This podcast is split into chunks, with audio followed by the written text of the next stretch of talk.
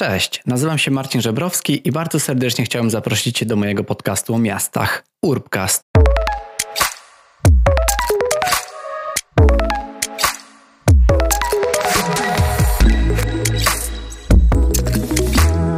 Cześć i witajcie w najnowszym odcinku Urbcastu, który będzie w pewnym sensie odcinkiem innym, a innym dlatego, że jest to odcinek, który pochodzi z Kongresu Polityki Miejskiej, na którym było mi dane być w dniach 7-8 czerwca.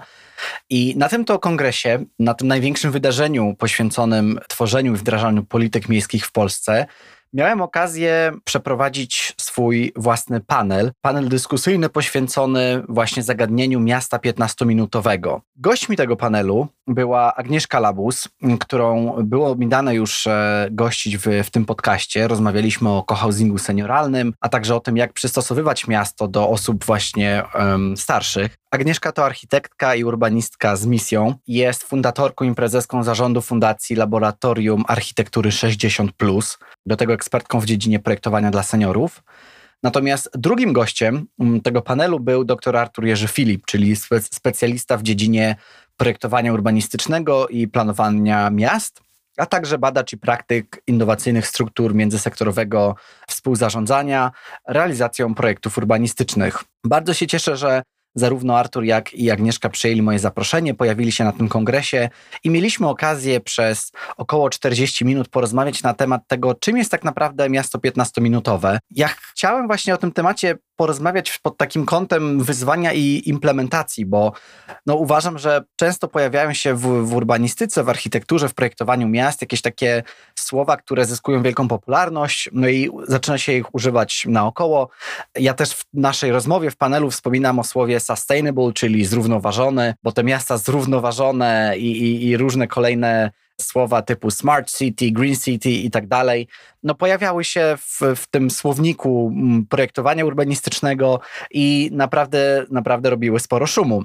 Nie inaczej jest tym miastem 15-minutowym i celem jest tego panelu, tej dyskusji jest to, żebyśmy porozmawiali o tym, czym miasto 15-minutowe jest, skąd się wywodzi, a czym nie jest, bo ja mam wrażenie właśnie, że po tym jak mer Paryża Anne Ildago użyła tego, tej tej koncepcji, no i między innymi dzięki niej też zyskała kolejną kadencję jako mer Paryża, to że zaczęliśmy wszyscy o tym 15-minutowym mieście mówić, zaczęliśmy mówić o mieście 5, 10, 15, 20-minutowym i trochę mnie to, mm, no nie wiem, zirytowało, że tak dużo się o tym słyszy, a jest tak mało konkretów, że w sumie no nie do końca się wie, jak to ma faktycznie działać w naszych miastach. I oczywiście, no sama koncepcja tego, żebyśmy na przestrzeni tych 15 minut mieli blisko spacerem, około kilometrowym spacerem, bo tak mniej więcej tyle jesteśmy mniej więcej w stanie przejść w mieście w 15 minut, żebyśmy mogli dotrzeć do takich najbardziej nam potrzebnych usług w mieście,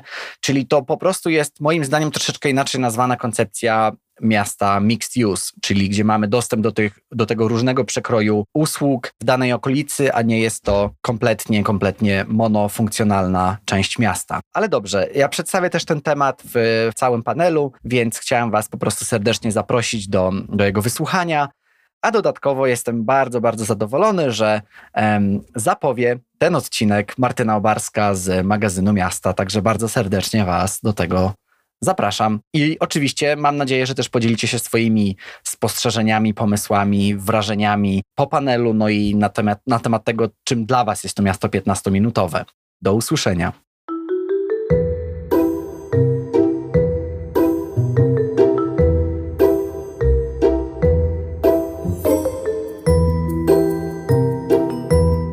Witamy ponownie na scenie medialnej Kongresu Polityki Miejskiej. Witamy drugiego dnia wydarzenia, ale przed Państwem jeszcze bardzo dużo paneli, spotkań i wywiadów. I teraz na naszej scenie medialnej nowa formuła. Do tej pory przyzwyczailiśmy Państwa do takich 15-minutowych rozmów. Co prawda słyszeliśmy w kuluarach, że te 15 minut to i tak jest bardzo długo i dzięki temu nasi rozmówcy mogli wreszcie więcej opowiedzieć o swoich pomysłach i bardzo byli z tego powodu szczęśliwi. A teraz e, czeka nas rozmowa naprawdę dłuższa. 40 minut, proszę Państwa, ale kiedy ma się takich gości, to naprawdę 40 minut mija w błyskawicznym tempie. Tym razem Marcin Żebrowski do rozmowy o tym, czym jest miasto 15-minutowe. Bardzo często teraz używamy takiego określenia miasto w 15 minut, ale 15 minut właściwie do czego? Do czego? No właśnie, gdzie można się dostać w 15 minut? Kto powinien się tam dostać w 15 minut? I co to ma wspólnego tak naprawdę z miastem dostępnym? Na te wszystkie pytania odpowiedzą nasi goście. Agnieszka Labus z Laboratorium Architektury 60, która wczoraj już tutaj była na naszej scenie medialnej, i Artur Jerzy Filip z Wydziału Architektury Politechniki Warszawskiej. Zapraszam do rozmowy.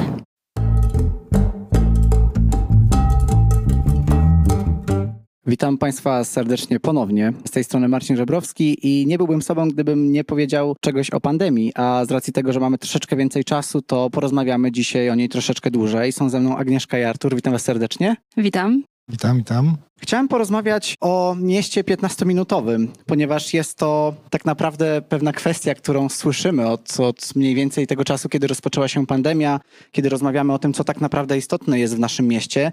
Natomiast Mam z tym pewien problem, ponieważ wydaje mi się, że może być to pojęcie troszeczkę nadużywane. Tak samo jak kilka lat temu mieliśmy pojęcie, które stało się bardzo, bardzo popularne. Mam tutaj na myśli słowo sustainable, czyli zrównoważony.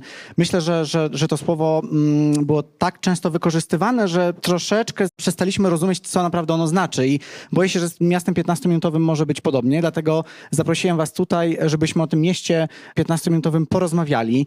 Miasto 15-minutowe, czyli jakie? Myślę, że Martyna zapowiadając naszą rozmowę, no bardzo trafnie to ujęła i chciałbym, żebyśmy w ramach tej rozmowy spróbowali sobie o tym 15-minutowym mieście porozmawiać.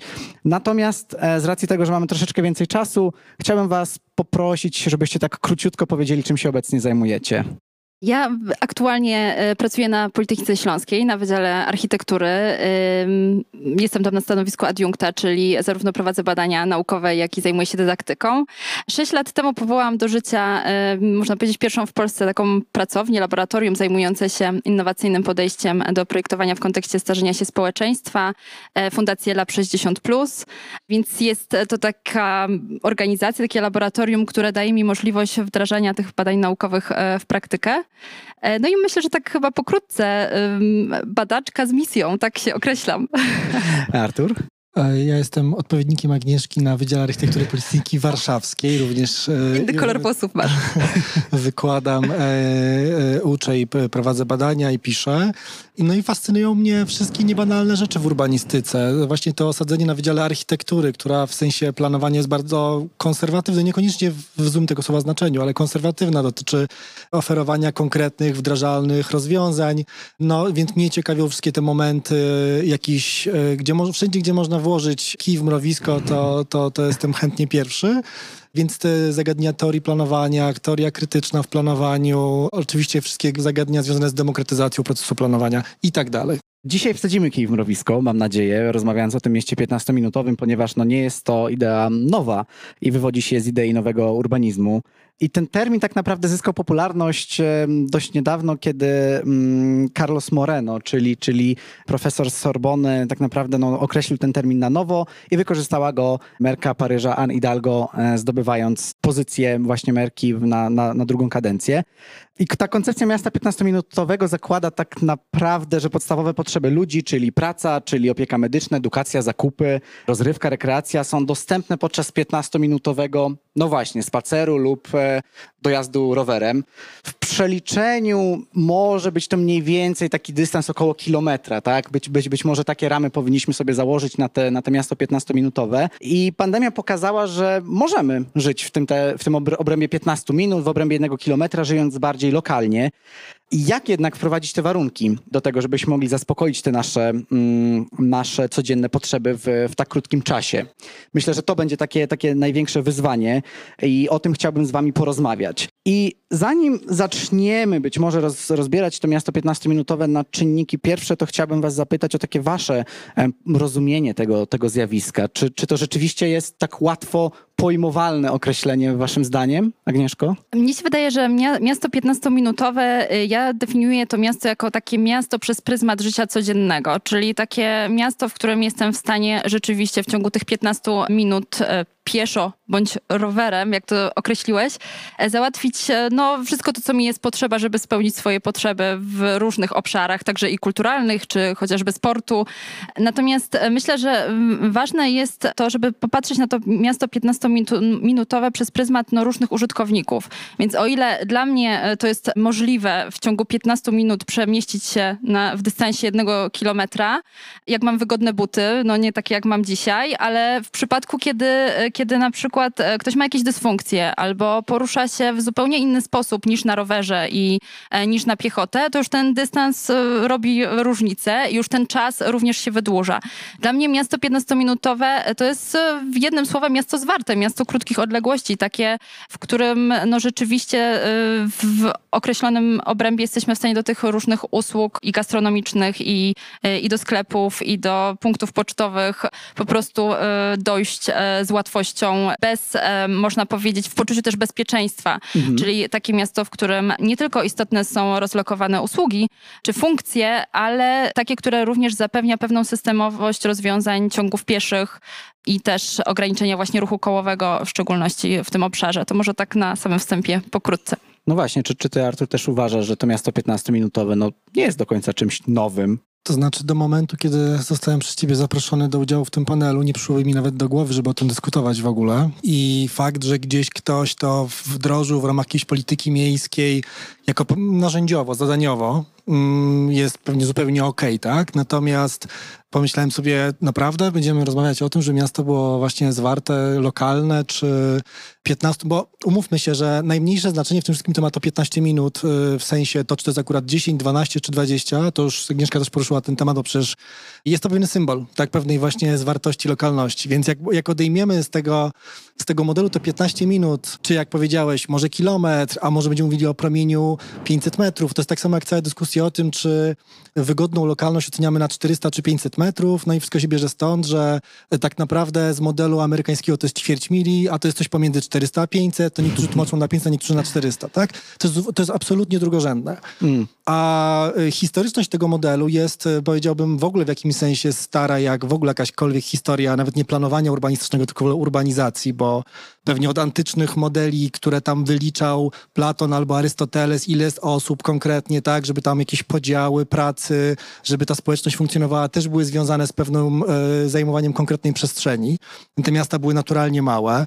Ale powiedzmy, że w epoce dużych, wielkich, mega miast, no ten model pierwszy raz tak został nazwany przez Clarence'a Perego 1929 rok, plan regionalny Nowego Jorku. Bardzo ważny ważny moment, który łączy w sobie dwa wymiary. Z jednej strony to był pierwszy regionalny plan urbanistyczny, czyli autostrady, wszystkie połączenia regionalne i tak dalej, ale z drugiej strony to było zrównoważone. Teraz, że tą, tą strukturę miejską, jeśli chodzi o zamieszkanie, bo też to, co tu powiedziała Agnieszka, prawda, to chodzi, chodzi o mieszkańca. Tu w środku jest mieszkaniec, nie, nie ktoś, kto pracuje w mieście, tylko konkretnie mieszkaniec. No, że to miasto powinno być podzielone na takie małe, małe komórki. Właśnie o promieniu 500 metrów, czyli to jest ten kilometr, o którym powiedziałeś, to jest dokładnie to samo, tak? Czym e, to odwołanie do Jane Jacobs na przykład również, no oczywiste, tak ona też mówiła o pewnym lokalnym życiu, pewnej wspólnocie, która tego jeszcze ma pewien kapitał społeczny, kulturowy e, i pewną lokalną tożsamość i tak dalej. Więc to jakby nie ma totalnie nic nowego, ale rozmawiać o tym warto oczywiście i zaraz może przyjdziemy w kolejnym pytaniu, bo e, albo może od razu pociągniemy to, bo właśnie ciekawe jest to, jeśli spojrzymy na to przez pryzmat może pewnego, no jak z wszystkimi takimi ideami urbanistycznymi, że to jest jakiś rodzaj ideologii, to znaczy coś się tam kryje za tym i to jest pytanie, co się kryje tak, tak naprawdę za, za tym. Ja tu tak, takie pięć haseł wynotowałem, mogę teraz, mogę później, ale że możemy przejść do takiego dekonstruowania tego pojęcia. Dlaczego to jest takie, no bo, no bo właściwie trudno się nie zgodzić. No przecież wszyscy się zgodzimy, że chcemy mieć lokalnie, dobrze, szczęśliwie, wygodnie, no nie, nikt z nas nie powie nagle, że powinniśmy miasto, miasto powinno być minimum, tak nie wiem, powinienem może wygłosić takie, takie zdanie, że każdy z nas do każdej podstawowej usługi powinien mieć minimum godzinę albo więcej. No nie, tak? No chcemy, żeby było jak najmniej, więc to jest e, w jakimś sensie Zaraz- banal, banalne. Zaraz przejdziemy do tej Mogę, mogę dekonstrukcji. się nie zgodzić? Tak, oczywiście. E, Ja, ja się chciałam tutaj z, z, z przedmówcą nie zgodzić, że nie ma w tym nic e, nowego. No bo z jednej strony tak nie ma w tym nic nowego, natomiast tą koncepcję staramy się wdrożyć w współczesnym świecie, w współczesnych realiach, odpowiadając na współczesne wyzwania. I mam takie poczucie, że czym innym jest miasto 15-minutowe w czasach średniowiecznych, kiedy budowano miasta i były mury miejskie i e, ten sposób poruszania się był, można rzec, e, no, głównie na piechotę, na koniu, tak, byle się. A czym innym jest podejście do y, poruszania się w mieście 15-minutowym współcześnie, kiedy mamy infrastrukturę drogową, kiedy oprócz roweru mamy też wózki elektryczne i mamy jeszcze hulajnogi, czyli mówimy o mikromobilności i mamy też e, wrażliwe grupy społeczne, które po prostu potrzebują więcej czasu, żeby ten konkretny dystans przejść. Więc dla mnie jest pewna nowość wynikająca z przełożenia tego modelu na współczesne czasy. Mam nadzieję, że będziemy się nie zgadzać jeszcze bardziej, ponieważ e, to pomoże nam w pewnej dekonstrukcji tego, tego całego pojęcia. Cieszę się, że Artur wspomniałeś o Jane Jacobs, bo rzeczywiście można by powiedzieć, można by się kłócić, że to ona w pewnym sensie też zaczęła tworzyć to pojęcie miasta 15-minutowego, stawiając na, na w pewnym sensie na, na lokalizm. Mamy też na przykład Brusa Kaca piszącego o nowym lokalizmie. Mamy też polskich badaczy mówiących o tym, jak ważna jest teraz ta lokalna społeczność. Możemy też mówić, że miasto 15-minutowe to jest tak naprawdę miasto mixed use, czyli miasto, gdzie tak naprawdę odchodzimy od takiej e, monofunkcji, gdzie żeby pójść do, do miejsca, żeby zaspokoić swo- swoje różne potrzeby od pracy przez właśnie kulturę czy, czy, czy różne inne rzeczy, no to tak naprawdę nie powinniśmy mieć zbyt dużego dystansu. I z jednej strony, no tak jest, tak? Tylko ja chciałem jeszcze porozmawiać o takim kontekście promocji miast poprzez używanie takich pojęć, no bo z jednej strony jest wiele miast, które moglibyśmy nazwać takimi 15-minutowymi, ale z drugiej strony właśnie kojarzymy to miasto 15-minutowe z Paryżem, tak? Bo mam wrażenie, że mer Paryża, że Paryż jako miasto w pewnym sensie tak zawłaszczyło sobie to pojęcie, czy może wykorzystało je jako pierwsze i działa to też bardzo dobrze marketingowo dla takiego e, miast, e, dla takiego miasta. No ale właśnie, co wy w ogóle sądzicie na, na temat tego marketingu miast, które próbują być może te różne pojęcia wyłapywać, obrandowywać w pewnym sensie i potem no, zyskiwać też popularność?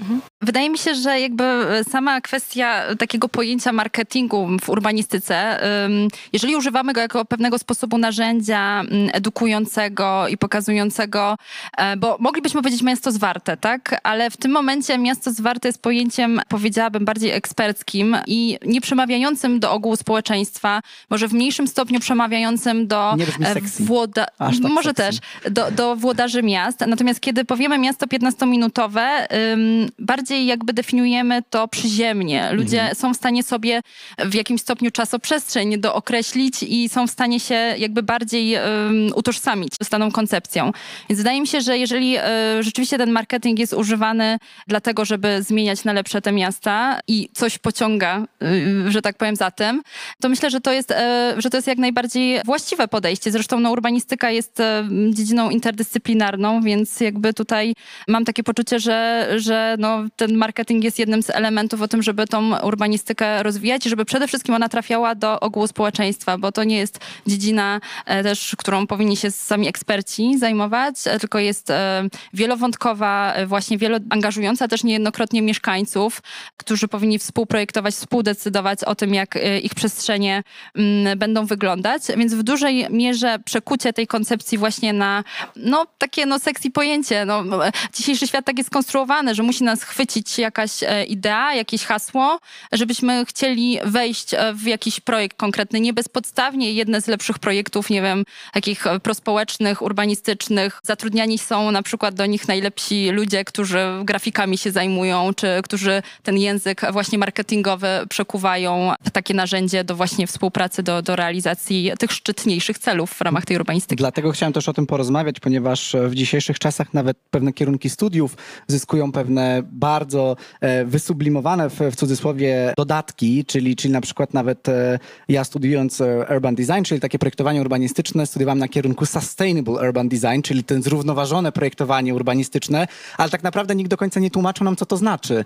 I wydaje mi się, że dlatego chciałem też porozmawiać o tym marketingu, żebyśmy troszeczkę też widzów em, przestrzegli przed tym, że, te, że tych słów, tych takich bardzo nośnych słów marketingowo przede wszystkim jest dużo, tylko żebyśmy też spróbowali wytłumaczyć, co się za nimi kryje. I być może tak już przechodząc właśnie z tego marketingu miejsca powoli też do, do dekonstruowania tego pojęcia.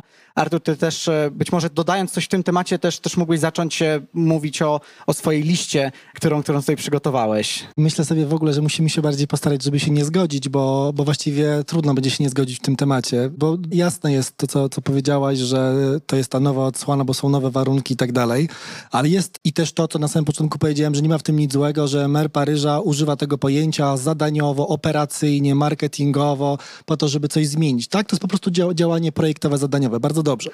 Natomiast jest e, jakieś zagrożenie, które na przykład widzę w tym takie, że jeśli wymieniamy właściwie już któryś raz z rzędu prawie to samo pojęcie kolejnym pojęciem, to trochę udajemy, że rozwiązaliśmy jakieś problemy z przeszłości. I tu jest chyba taki kluczowy problem, który ja w tym widzę. To znaczy, nagle 15-minutowe e, miasto już jest pozbawione krytyki e, czarnego kapitału społecznego e, w wyobrażeniu Jane Jacobs, tak? Bo już, no ale gdybyśmy mówili ciągle o mieście w jej wyobrażeniu, to powinniśmy mówić o też czarnych stronach takiej lokalności, jakiejś, nie wiem, pułapce komunitaryzmu, jak to Harvey nazywał i tak dalej.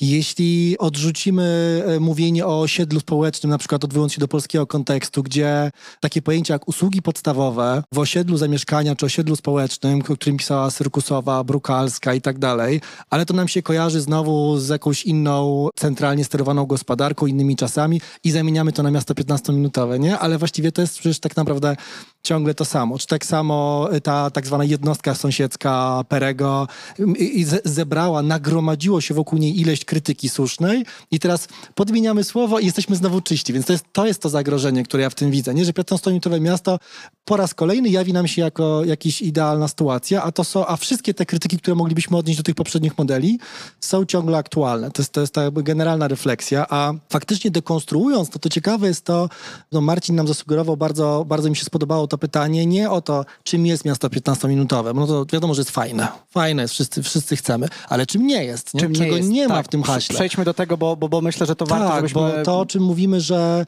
historia urbanistyki to jest właśnie jakaś historia też pewnych sloganów, pewnych modeli. Nie wiem, Miasto Ogród to jest jedno z takich pojęć, które zrobiło zawrotną karierę. Marketingowo ilu deweloperów się nabudowało, i nie mówię o współczesnych, mówię tych y, deweloperów sprzed 100 lat. Ile tak zwanych miast ogrodów się nabudowało na przykład nawet w Polsce, one nie miały nic wspólnego z tym naprawdę programem i ideą Howarda, ale miały to logo i się lepiej sprzedawały działki, tak jeszcze przed wojną. I tak jest do dzisiaj, więc, ym, więc to jakby kolejna taka zawrotna kariera pojęć. Ale czego nie ma? No jedna rzecz, i ja zaraz to rozłożę na, na części, ale że to jest idea, która nie jest polityczna i to jest coś, co mnie najbardziej w niej, e, ona jest bardzo technokratyczna, trochę może celowo, ale ona nie ma w sobie w ogóle takiego progresywnego wymiaru. Jedno, że właściwie jest powtórzeniem po raz kolejny tego samego, ale też i tutaj mam właśnie, tak wynotowałem sobie pięć, pewno można by jeszcze kilka, może inaczej, tak? E, Nie jest to żadna zamknięta lista, ale gdy mówimy o, o tym, że 15-minutowe miasto oznacza pewną dostępność czegoś w, w tym zakresie mniej niż 15 minut, to jest super, ale to nie mówi nic o tym, że możemy mieć wpływ na to, co tam jest, albo że możemy kształtować. Czyli tu nie ma w ogóle śladu tej całej już półwiecznej tradycji mówienia o prawie do miasta. Mówimy tylko o prawie do dostępu, tak? A cała idea prawa do miasta polega na tym, że nie używam tylko, tylko mogę kształtować, wymyślać, nie? A tu już jest wymyślone, tu już jest przyklepane, tylko masz, do, tylko masz używać. Czyli taka w ogóle powiedziałbym platońska idea. Wszystko jest porozkładane, każdy wiadomo, gdzie ma swoje miejsce i każdy ma mniej niż 15 minut, więc jest zadowolony. Myślę, Dru- że tylko tutaj przerywając ci troszeczkę, ty też fajnie wspomniałaś, że to miasto 15-minutowe jest jakby zupełnie inne w zależności od użytkownika. Bo, Tak. Bo jednak starsza osoba to miasto 15-minutowe będzie miała zdecydowanie zawężone przez pewne ograniczenia też w poruszaniu się na przykład. To znaczy, ja myślę, że my w ogóle bardzo tak stereotypowo, myśląc w ogóle o kształtowaniu miast, kształtowaniu przestrzeni, e, myślimy o użytkowniku. Znaczy, mam wrażenie, że coraz więcej i coraz częściej mówimy o mieście dostępnym przez pryzmat wrażliwych grup społecznych, zaznaczając, że to nie są tylko osoby z niepełnosprawnością i jeszcze w dodatku poruszające się na wózku inwalidzkim. To nie są tylko osoby starsze i to nie są tylko rodziny z małymi dziećmi e, które również e, pchają wózek, ale to jesteśmy tak naprawdę my wszyscy tylko w różnych sytuacjach życiowych i jakby pchając ciężką walizkę, czy ciągnąc za sobą ciężką walizkę yy, idąc na dworzec, napotykamy dokładnie na, na te same problemy i ten dystans 15 minut z ciężką walizką jest równie jakby tutaj ciężki dla nas niż, niż gdybyśmy mieli na przykład jakąś dysfunkcję.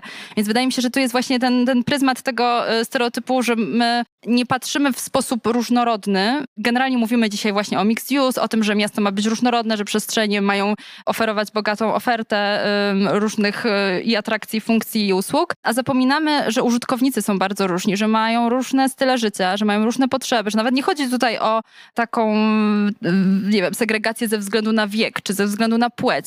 Wydaje mi się, że tym takim y, widzeniem użytkownika powinny być może właśnie po części te style życia i to, jak funkcjonujemy w ciągu dnia. I wydaje mi się tak, że, że tutaj jest kwestia zwrócenia uwagi właśnie na te stereotypy patrzenia na to. Podkreślamy tutaj tą dostępność, natomiast ja jestem bardzo ciekaw, co kryje się pod drugim punktem, e, no, jeśli dekonstruujemy tak. już to pojęcie. drugi podpunkt to to, że ten wskaźnik jest ilościowy, a nie jakościowy. To też dużo mówi. Znaczy, możemy rozliczyć się. Możemy rozliczyć mer Paryża za 5 lat, powiedzieć, ile osób ma. Nie wiem, jest coś takiego na przykład jak Park Score w Ameryce. Wszystkie miasta liczy się tym. Do, do tego są używane metody GIS-owe, tak? To, to, to jest jakby bardzo skomplikowany sposób liczone. Ile osób w danym mieście ma mniej niż 5 minut do parku i to miasto, które ma najwięcej obywateli z tym standardem dostępu do zielonych przestrzeni, jest pierwsze na liście, nie? Więc jakby okej, okay, można to łatwo ewaluować i tak dalej.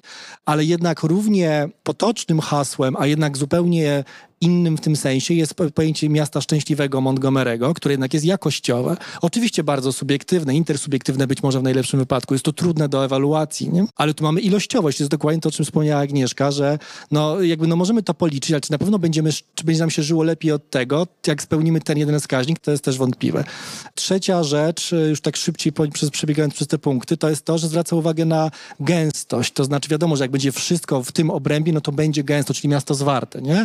Ale ja akurat świeżo, bo niedawno książkę, e, książka nowa wyszła Richarda Zeneta e, o, projektowaniu dla chaosu i on tam jednak no, straszną krytyką, jakby krytykuje bardzo pojęcie gęstości i proponuje pojęcie kompresja. Różnica jest w uproszczeniu taka, że kompresja to jest takie, to jest jakaś energia, która się z tego bierze, a gęstość to po prostu, że jest dużo. Nie? I znowu w tym pojęciu może się pojawić kompresja, ale to nie wynika z tego modelu. Z tego modelu tylko wiemy, że będzie w miarę dużo. Czyli nie ma znowu w tym tej progresywnej dynamiki. Lokalność, no to już wspomniałem o Jane Jacobs i o czarnym kapitale lokalności, o połapce komunitaryzmu i całej tej krytyce, która się przywaliła przez 30 ostatnich lat. A tutaj mamy po prostu model, że będzie lokalnie, czyli że miasto duże będzie złożone z tam, nie wiem, 30 małych baloników, a może 50 baloników, i baniek, tak, i nie wiem, i, i tak dalej. Natomiast e, progresywne polityki miejskie wymagają myślenia regionalnego, ogólnomiejskiego, wy, wykraczającego poza dzielnicę, czy ten taki neighborhood unit, który jest jakąś podstawową jednostką, był za taką uważany, taką powiedzmy polityczną, nie jest wystarczający, nie? Bo pewne rzeczy, nie wiem, kwestie sprawiedliwości środowiskowej można rozwiązać tylko w skali makro. I w tym modelu też tego kompletnie nie ma. No i właśnie ta temporalność też tego pojęcia, a nie przestrzenność, to też jest ciekawe, że ono nie mówi już o 500 metrach, tylko mówi o 15 minutach, czyli też tu nawiązuje, nawiązując do tego, co Agnieszka mówiła o tym, że różne mamy zdolności też poruszania się, że właściwie trochę jest tak, że im szybciej biegasz, tym masz bardziej miasto 15-minutowe. Każde miasto wtedy może być 15. Tylko musimy szybko biegać.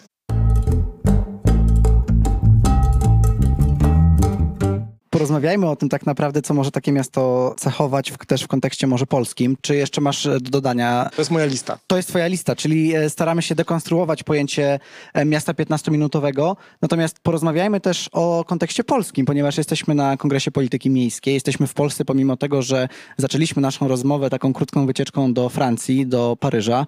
Skupiając się na polskich miastach, hmm, chciałem was zapytać, czy wy też dostrzegacie taką dostępność i pewne cechy tego miasta 15-minutowego w w waszych miastach, na które, w których e, na co dzień żyjecie i co sprawia, że możemy mieć jednak namiastki tej, tej teorii dostępne i namacalne w, w naszej przestrzeni. Może e, Agnieszko, jakbyś mogła ja rozpocząć. Ja myślę, że y, tak, ja w swoim rodzinnym mieście rzeczywiście dostrzegam y, te namiastki miasta 15-minutowego. To jest miasto Bytom, które można z jednej strony powiedzieć, że jedno z najbardziej problematycznych miast w Polsce i, i w ogóle w, chyba na mapie Europy mm, które rzeczywiście teraz walczy dzielnie z rewitalizacją. Natomiast mam wrażenie, że to, to miasto dlatego spełnia w dużej mierze, mówię o ścisłym centrum i też o dzielnicach, bo wiele, wiele dzielnic Bytomia to są stosunkowo autonomiczne właśnie dzielnice, które zapewniają ten dostęp do podstawowych usług, do terenów zieleni, morze. Są pewne deficyty związane z obiektami kultury czy z obiektami sportu. Natomiast w ścisłym centrum myślę, że to wynika z, po prostu z tej tkanki takiej średniowiecznej, historycznej tkanki, gdzie te miasta po prostu z zasady były budowane właśnie jako miasta 15-minutowe. Więc jakby ten dostęp e, do, do tych wszystkich funkcji, które, które chciałabym realizować, w jakimś stopniu jest. Natomiast z drugiej strony tak się zastanawiam, że mm, my o wielu miastach w Polsce możemy powiedzieć, czy o wielu dzielnicach, bo to też jakby, mówiąc o mieście 15-minutowym, mam wrażenie, że w głowach mamy małe miasteczka, które są po prostu do ogarnięcia w zasięgu właśnie ręki wszystkie podstawowe funkcje. Tutaj z kolei Paryż, gdzie w ogóle no, wielkie miasto, jak można mówić o Paryżu 15-minutowym, no ale jeżeli przekujemy to na poszczególne właśnie dzielnice i to, to co e, właśnie kolega powiedział, tą lokalność, e, no to w tym momencie rzeczywiście e, tak jest. Natomiast mam takie poczucie, że u nas w miastach polskich troszeczkę mm, jakby brakuje właśnie odpowiedniej diagnozy i odpowiedniego narzędzia do tego, żeby w ogóle jakby dążyć do tych miast 15-minutowych. To znaczy, mówiąc o poszczególnych dzielnicach, czy chociażby centrum miasta, nie mamy takiego narzędzia, które jawnie pokazywałoby nam, a tutaj brakuje na przykład, nie wiem, lokalnej świetlicy, a tutaj brakuje jakiegoś tam miejsca do uprawiania sportu. Mm, myślę, że też słabo bardzo myślimy o elastyczności takiej wielofunkcyjności przestrzeni, na przykład publicznych, czy przestrzeni takich właśnie miejskich, bo przecież plac może pełnić funkcję miejsca wypoczynku, a może być też targowiskiem w sobotę.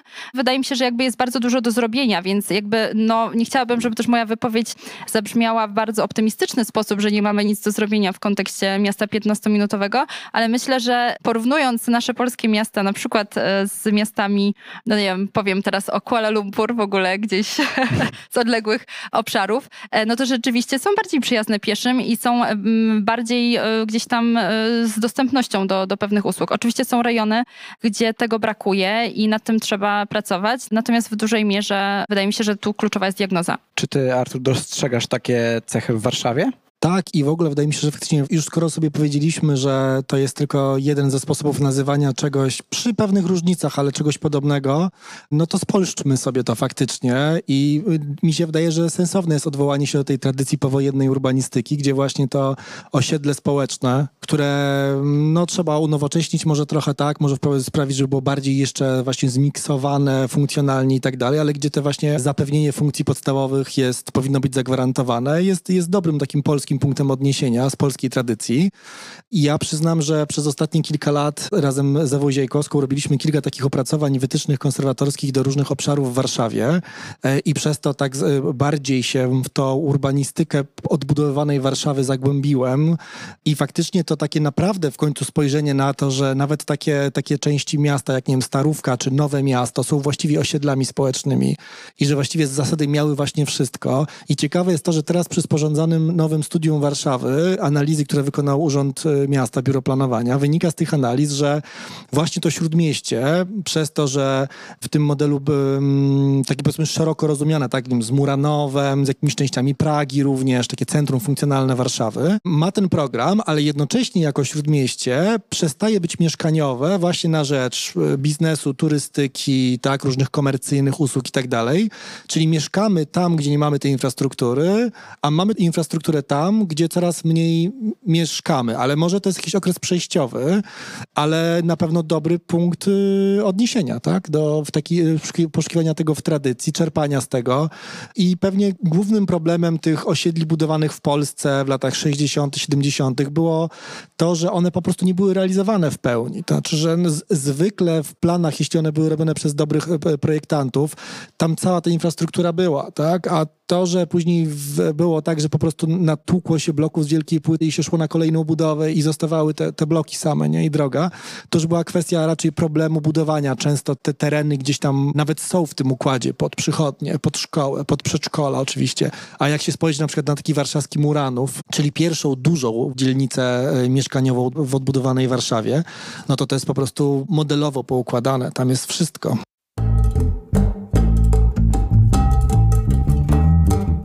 Zastanawia mnie jeszcze jedna kwestia, która teraz przyszła mi do głowy, jak sobie rozmawiamy właśnie o tych dostępnych osiedlach, o tych lokalnych społecznościach. Czy uważacie, że nam jako ludziom zwiększa się też w pewnym sensie taka akceptacja, a, a być, może, mo- być może odwrotnie właśnie, może zmniejsza nam się akceptacja dla bardzo długich dojazdów i czy to jest tak, że gdybyśmy mówili o tym mieście jeszcze raz 15-minutowym, czy dostępnym kilkadziesiąt lat temu, gdzie jednak przemieszczanie się po tym mieście zajmowało nam więcej czasu, nie było rozwiniętej mikromobilności. Czy uważacie, że kilkadziesiąt lat temu moglibyśmy mówić o mieście na przykład 45-minutowym i to też by nam wystarczało? Czy to jest tak, że my tak bardzo się rozwijamy, chcemy życia coraz szybciej, że być może za kilka lat pojawi nam się koncepcja miasta 10 czy 5-minutowego? Myślę, że no, czas jest dla nas cenny, nie, nie ukrywajmy. I wydaje mi się, że w większości przypadków no, jako społeczeństwo e, bardziej się bogacimy, rozwijamy.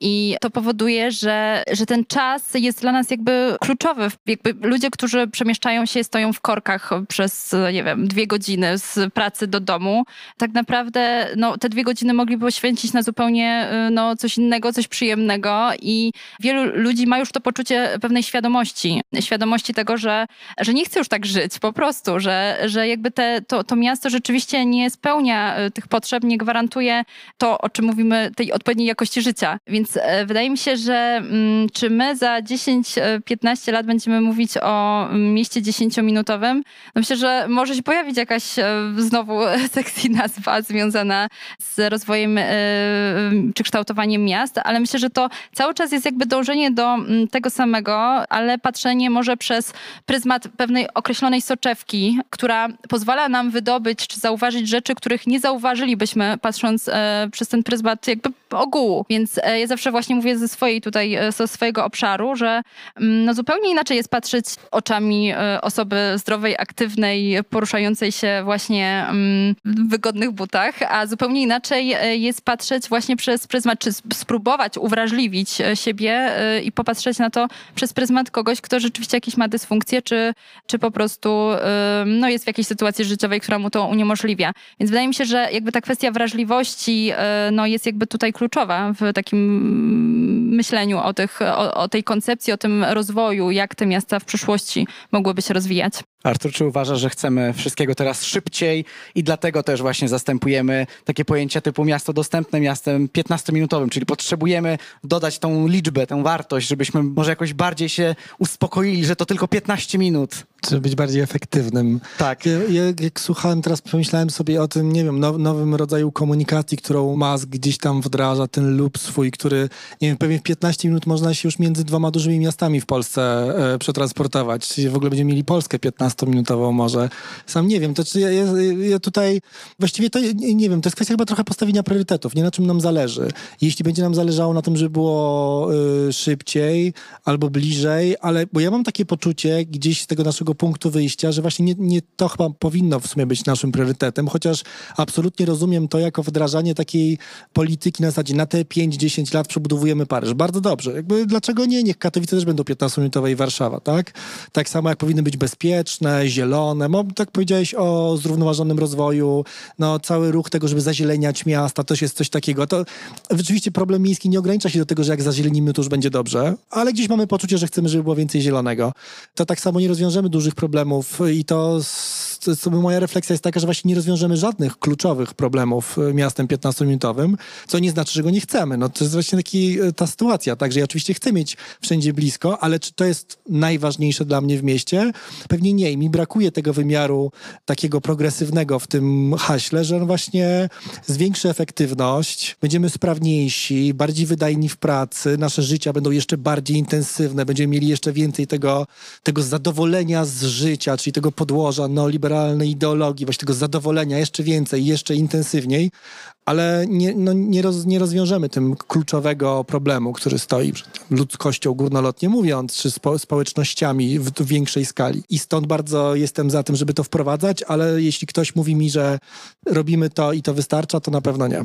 No właśnie, ale jak nie wpaść też w taką pułapkę tych różnych pojęć? Mówimy o zazielenianiu, mówimy o mieście zrównoważonym, mówimy o mieście 15-minutowym i co jeżeli ktoś teraz nas słucha i tak sobie zaczyna myśleć, ok, dobrze, to mam powiedzmy miejsce pracy w tym obszarze dostępu powiedzmy 15-minutowego, mam tam też sklep, ale na przykład nie mam już kina. Czy ja nie mieszkam już w mieście 15-minutowym?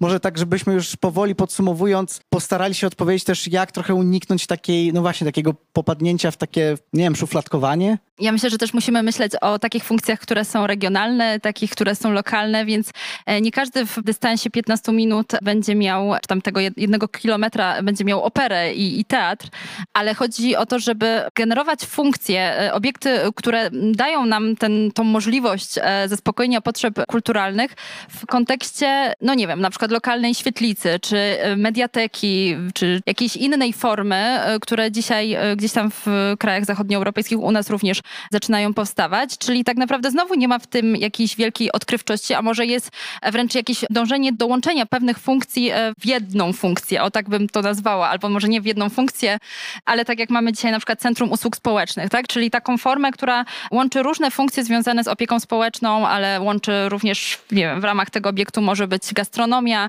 może być lokalna świetlica, gdzie mieszkańcy e, spędzają raz, razem czas, więc jakby na pewno nie możemy myśleć o tym mieście 15-minutowym przez pryzmat funkcji, które są no, niemożliwe do zrealizowania. I musimy też wiedzieć to, że miasto 15-minutowe to nie jest od nowa budowane miasto, to, to nie jest jakiś twór, który jest po prostu abstrakcyjny i teraz będziemy budować miasta 15-minutowe, e, tylko to jest tak naprawdę odnowa naszych istniejących miast e, przez pryzmat odpowiedniej diagnozy i zdiagnozowania tego, co byłoby potrzebne w, w określonym obszarze, co spełniałoby potrzeby konkretnych mieszkańców, bo wydaje mi się, że ta lokalność, tożsamość miejsca to też jakby jest bardzo istotne z punktu widzenia mm, tego, żeby nie popadać w jakiś taki też znowu stereotypowy model, który jak pieczątkę będziemy zaszczepiać w polskich miastach, bo każde miasto ma swoją jednak swoje DNA i do tego DNA musimy się odnieść. Więc wydaje mi się, że ta różnorodność w zakresie, ja nawiążę tutaj może do, bo zresztą od tego zaczęłam też, że miasto 15-minutowe to jest też takie miasto przyjazne starzeniu się, a miasto przyjazne starzeniu się to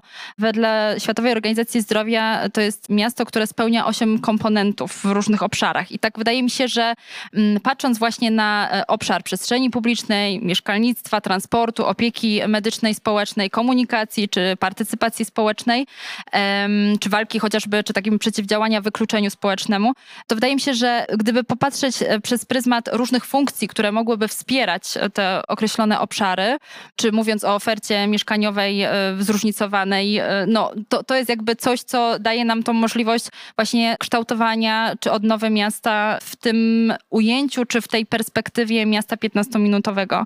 Natomiast to tak jak to już wybrzmiało, jest to pewien taki slogan, y, a dążymy wszyscy do, do tego samego w jakimś stopniu. To w ramach podsumowania, tak może też pozostawię w zawieszeniu e, ten komentarz, żeby się już nie powtarzać. Na pewno jestem przekonany, że musimy szukać rozwiąz rozwiązania problemów, a nie po prostu wdrożenia tego modelu.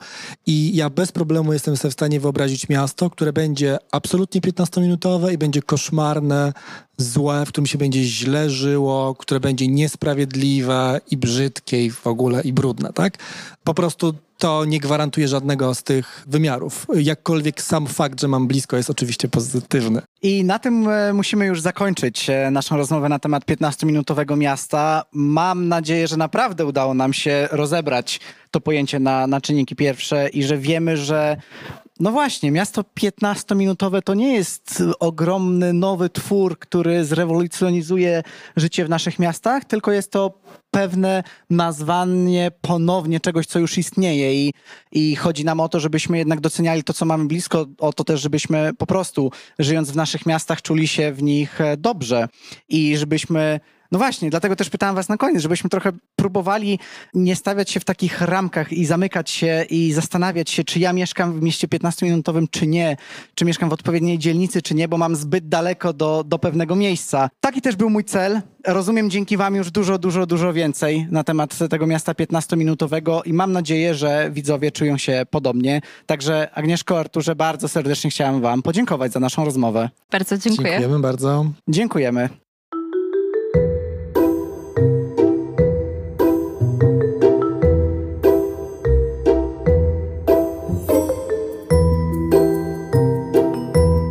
Dzięki wielkie za wysłuchanie najnowszego, troszeczkę innego odcinka z Agnieszką i Arturem. I mam nadzieję, że naprawdę byliśmy w stanie Wam powiedzieć, czym te miasto 15-minutowe nie jest i czego tak naprawdę potrzebujemy, żeby, no właśnie, żeby stworzyć taką większą dostępność w naszych miastach, bo moim zdaniem, no koniec końców to o to właśnie chodzi, tak?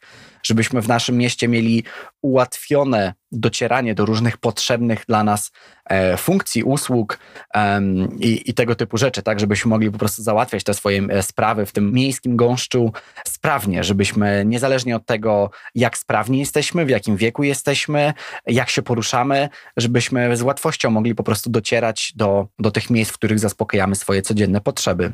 Dzięki wielkie za wysłuchanie i niebawem będziecie mogli się spodziewać kolejnych materiałów z Kongresu Polityki Miejskiej, które tam nagrałem, a które teraz będą się ukazywać jako krótkie podcasty. Dzięki i do usłyszenia.